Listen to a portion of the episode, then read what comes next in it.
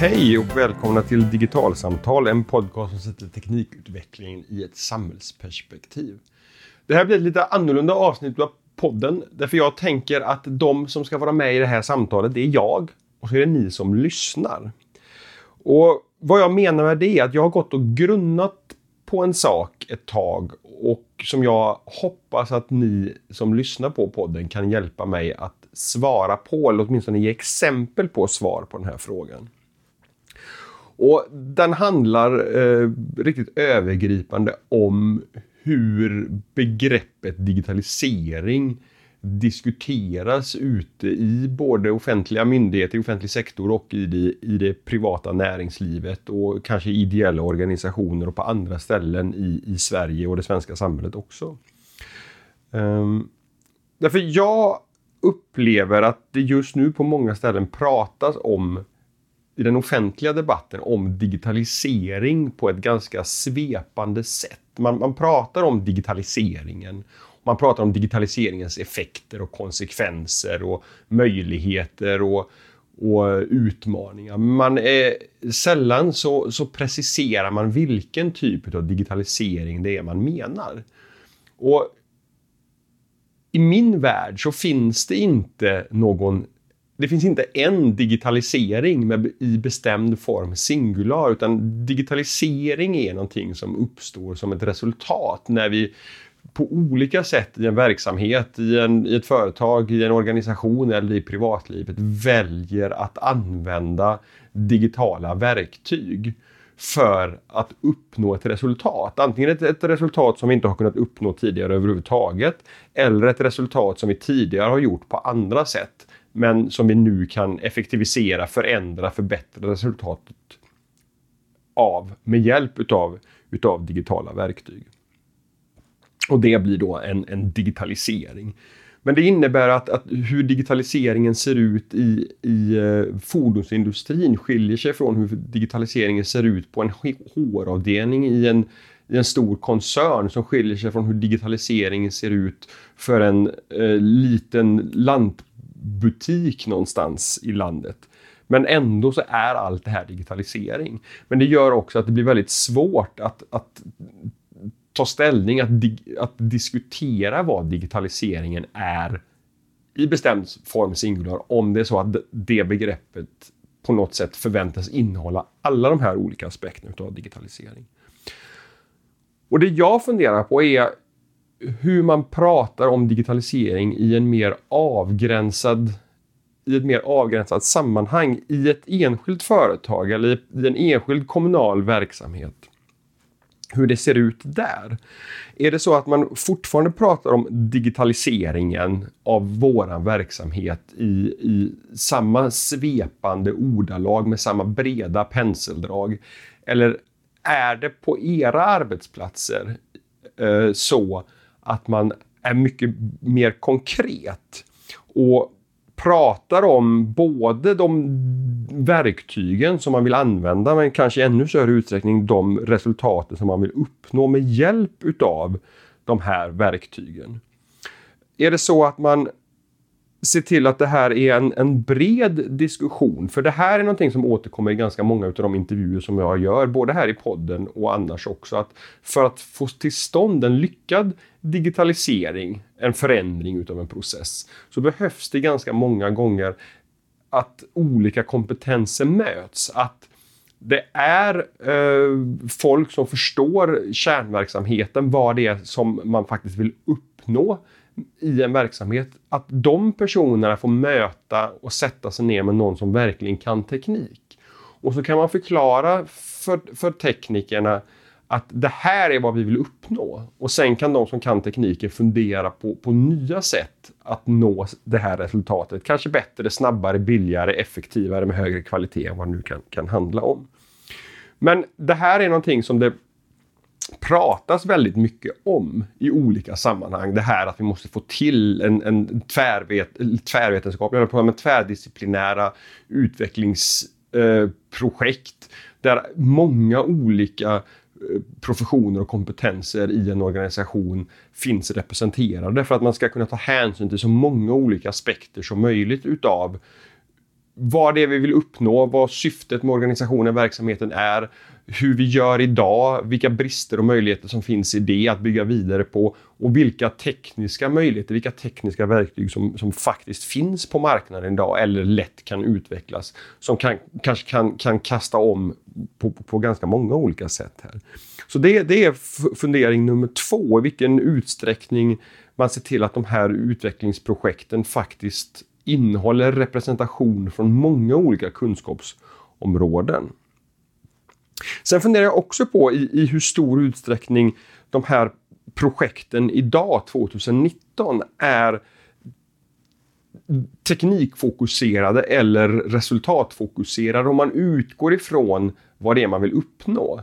Eller om det fortfarande är så som man beskyllde digitaliseringsprocesser för ett antal år sedan åtminstone att vara att de i ganska stor utsträckning utgick från vad tekniken kunde åstadkomma. Att man, man, man tittade på en teknisk lösning och sen så formade man sina tankar om vad man skulle uppnå med det här, med det här verktyget utifrån vad, vad verktyget kunde göra. Snarare än att börja med att fundera på vad är det egentligen vi vill uppnå och sen leta efter de verktygen som gjorde det möjligt.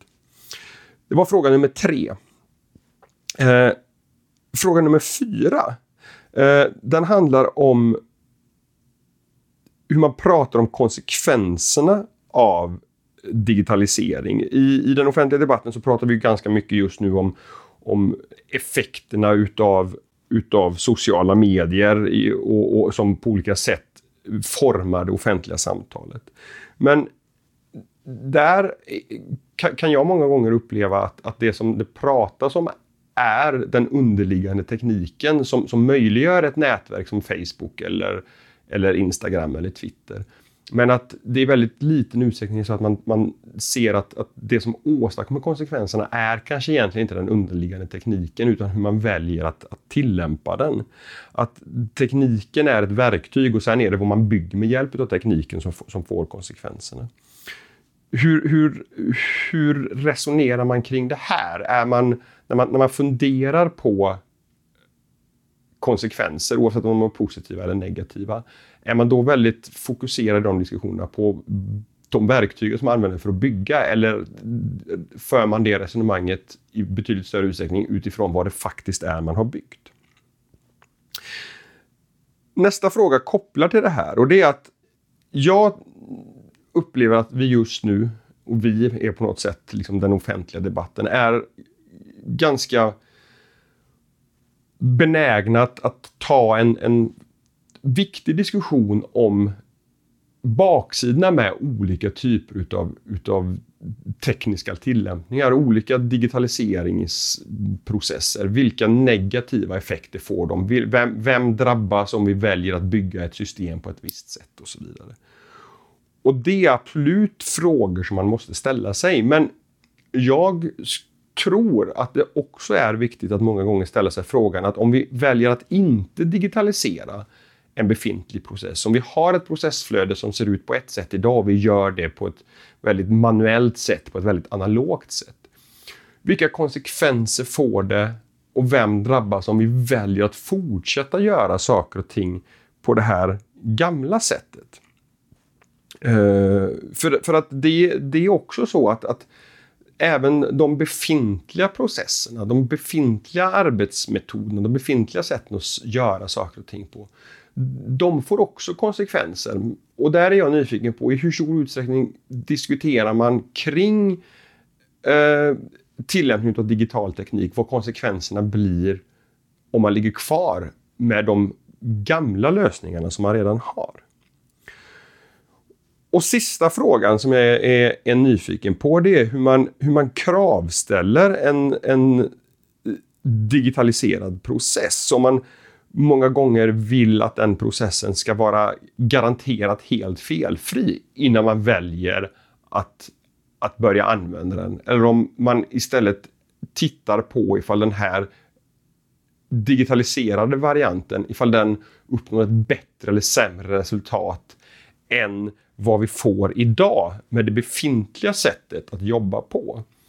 Eh, ett, ett, väldigt konkret exempel på det här är resonemang som jag ibland kan höra om självkörande bilar. Där, man, där jag kan höra personer som säger att den dagen jag kan vara säker på att en självkörande bil inte kommer krocka, Då kan jag tycka att det är dags att börja använda bilarna. Men, men då har man ju en måttstock som är att saker och ting ska vara perfekta men glömmer att så ser det inte ut idag. Och där jag tänker att det är rimligare att jämföra med ett, ett, ett faktiskt nuläge och börja använda självkörande fordon den dagen som de är bättre än ge, den genomsnittliga mänskliga föraren. Att det är ett, ett schysstare, mer relevant sätt att benchmarka en digitaliserad process resultat i förhållande till hur vi gör saker och ting idag. Det var sex frågor, sex funderingar som jag egentligen har till er som lyssnar på det här. För att jag är nyfiken på att, att få ta tempen lite grann på hur, hur samtalet om digitalisering förs ute i olika organisationer eh, i landet bland er som lyssnar. Eh, hur man pratar om digitalisering, om det är väldigt svepande ordalag eller något väldigt konkret. Eh, vilka kompetenser som är med i diskussionerna om digitaliseringen. I vilken utsträckning man är fokuserad på tekniken eller i vilken utsträckning man är fokuserad på vad det är man vill åstadkomma med hjälp utav teknik. Sen undrar jag också två saker kring aspekterna, eh, hur man diskuterar teknikens konsekvenser. Om, i, i, första hand om man, om man väljer att diskutera det som är ett resultat av den underliggande, de un, olika underliggande tekniska lösningarna. Att artificiell intelligens åstadkommer det här till exempel, eller en internetuppkoppling åstadkommer det här. Eller om man snarare tittar på att och diskuterar konsekvenser utav sättet som man just i det här fallet har valt att använda tekniken. Femte frågan är i vilken utsträckning man, man diskuterar konsekvenserna utav att avstå från att digitalisera en, en process eller en verksamhet. Och slutligen hur man kravställer en, en, digital process när man känner att nu är den här digitaliserade varianten tillräckligt bra för att faktiskt tillämpas i skarpt läge.